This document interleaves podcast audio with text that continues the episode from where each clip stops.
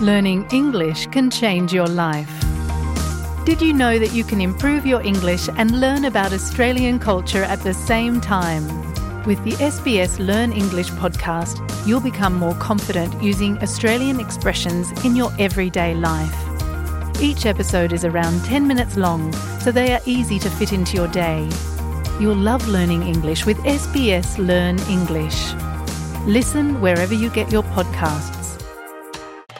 أنتم برفقة SBS عربي 24 اكتشفوا المزيد من القصص العظيمة على sbs.com.au arabic.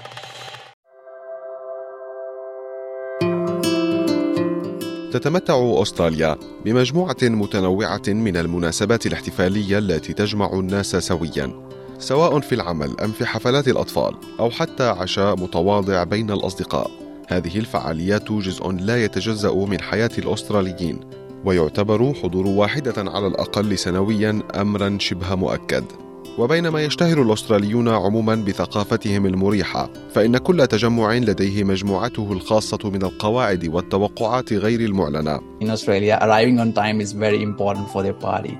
Don't be too late, otherwise you'll miss out all the food. that could possibly happen. حلقة جديدة من أستراليا بالعربي يقدمها لكم ريان برهوم. تعد زيارة منزل شخص ما لمناسبة خاصة أمرا شائعا عبر الثقافات ولكن منها أشكالها الفريدة. في أستراليا يبرز تجمع الشواء والذي يشار إليه أيضا باسم باربي باعتباره الأكثر انتشارا توضح ظريف هاردي. مديرة المدرسة الأسترالية للآداب مدى أهمية هذا النوع من التجمعات وتأثيرها على الحياة الاجتماعية والثقافية للأستراليين I think that would be the number one choice of entertaining here, which, you know, generally involves a barbecue outside and a group of people around. It's casual, it's relaxed, it's very informal. We certainly don't see anything like the real formal dinner parties here in Australia that we're used to in the 80s and 90s. بينما تقلصت أهمية الأساليب الرسمية والقواعد الصارمة في تناول الطعام إلا أن آداب السلوك تظل أمرا أساسيا عند استقبال الضيوف. تؤكد السيدة هاردي أن كونك مضيفا متميزا سواء كان الأمر يتعلق بحفل شواء في الفناء الخلفي أو عشاء غير رسمي داخل المنزل. يتطلب ذلك استعدادا كبيرا just make sure that when your guests get there, you can dedicate time to them. So you're not stuck in a kitchen or making things or setting tables to have everything organized, to have that, you know, drink ready to be poured, to give them a wonderful warm hello, to be able to mix in conversations, to introduce people together, to make whoever it is that you have invited feel very comfortable. عندما تتلقى دعوة لحضور تجمع في منزل شخص ما السيدة هاردي وسام شارما يوصيان بأهمية إحضار هدية صغيرة للمضيف باستثناء كونك واحدا من الأفراد المباشرين من العائلة. هذه الخطوة تعتبر تعبيرا عن الامتنان والاحترام للضيافة التي تقدمها العائلة المضيفة. It's always polite to bring like a little gift when you're going to someone's house, a bottle of wine, a snack or dessert for the host. And it's also a good idea to ask the host as well if they would like you to bring specific things, maybe a meat or maybe drink or whatever, you know, might help them to organize their party because they're already hosting it. So that's a big enough job. You might make it easier for them by bringing some of those things. من بين الأشياء الشائعة التي يجب أن يضعها المضيف في اعتباره عند الحضور إلى مناسبة في منزل شخص آخر، أولاً عدم التأخر في الوصول واحترام مواعيد الدعوة، كما ينبغي التحقق مما إذا كان لباسك مناسب. إضافة إلى ذلك، من الجيد أيضا تقديم المساعدة للمضيف قدر الإمكان. In Australia, arriving on time is very important for their party. Don't be too late, otherwise you'll miss out all the food. that could possibly happen. Um, dress code is another thing. So it depends upon the type of party you're attending. If it's a barbecue, casual catch up, then yeah, you don't need to dress up too formally. When you're at the party, it's good to help the host with the cooking, sometimes with setting up, even cleaning. If you can do that, that's always appreciated. And always thank the host, you know, before leaving. عندما وصل السيد شارما إلى أستراليا قبل 17 عاما كطالب دولي كان عليه أن يتعلم المصطلحات العامية المتعلقة بالطريقة الأسترالية للاحتفال من البداية. مثلا مصطلح bubbles لوصف النبيذ الغازي و BYO والذي يعني أحضر مشروبك الخاص و snag للإشارة إلى النقانق و RSVP كاختصار لتأكيد الحضور و bring plate وهي دعوة للضيوف لجلب بعض الطعام للمشاركة.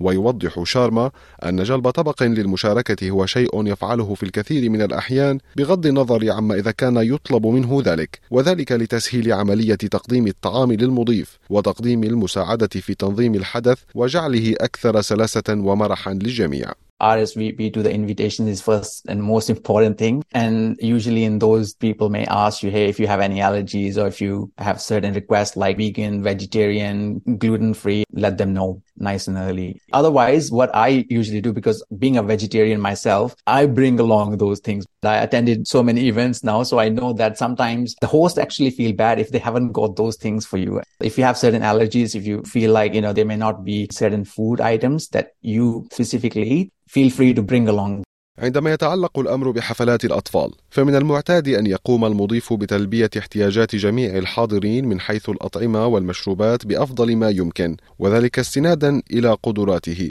سونيا هيرزبرغ والدة لطفلين ومقيمة في ملبن تقدم لنا لمحة عامة حول التوقعات المشتركة في هذه الحفلات وكيفية توفير احتياجات الضيوف بأفضل طريقة ممكنة.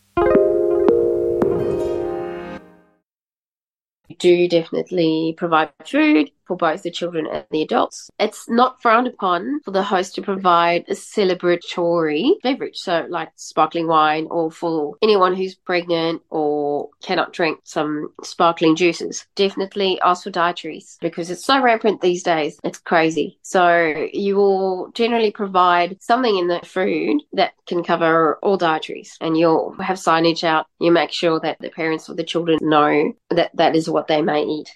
استضافة حفلات الأطفال لا تحتاج إلى الإفراط في التكلفة. تشير السيدة هيرزبرغ إلى وجود عروض أسترالية نموذجية ومناسبة لهذه الحفلات وبأسعار معقولة.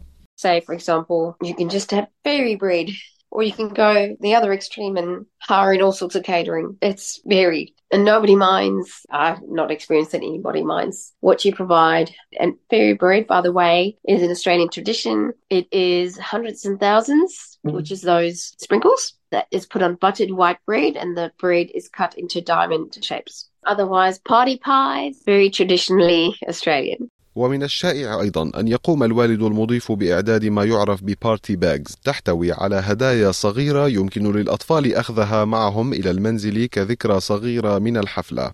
السيدة هيرزبرغ تخبرنا ما تحضره لعيد الميلاد ابنها البالغ من العمر خمس سنوات كمثال.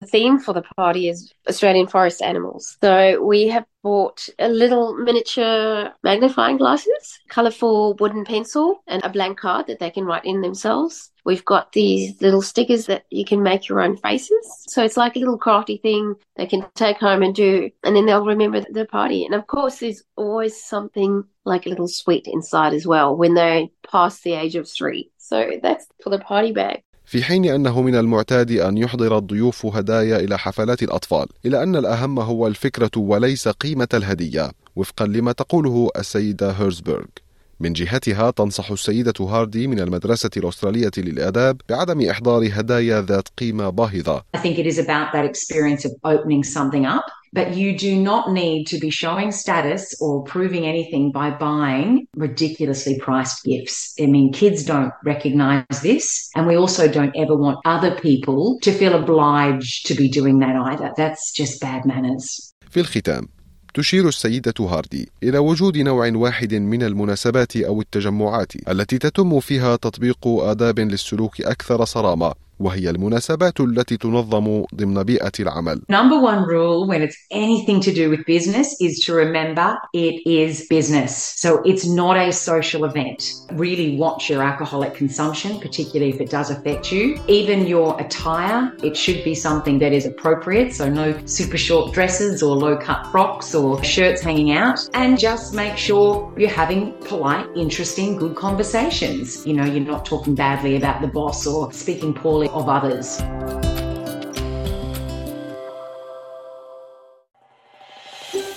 هل تريدون الاستماع إلى المزيد من هذه القصص؟ استمعوا من خلال Apple Podcast، Google Podcast، Spotify أو من أينما تحصلون على البودكاست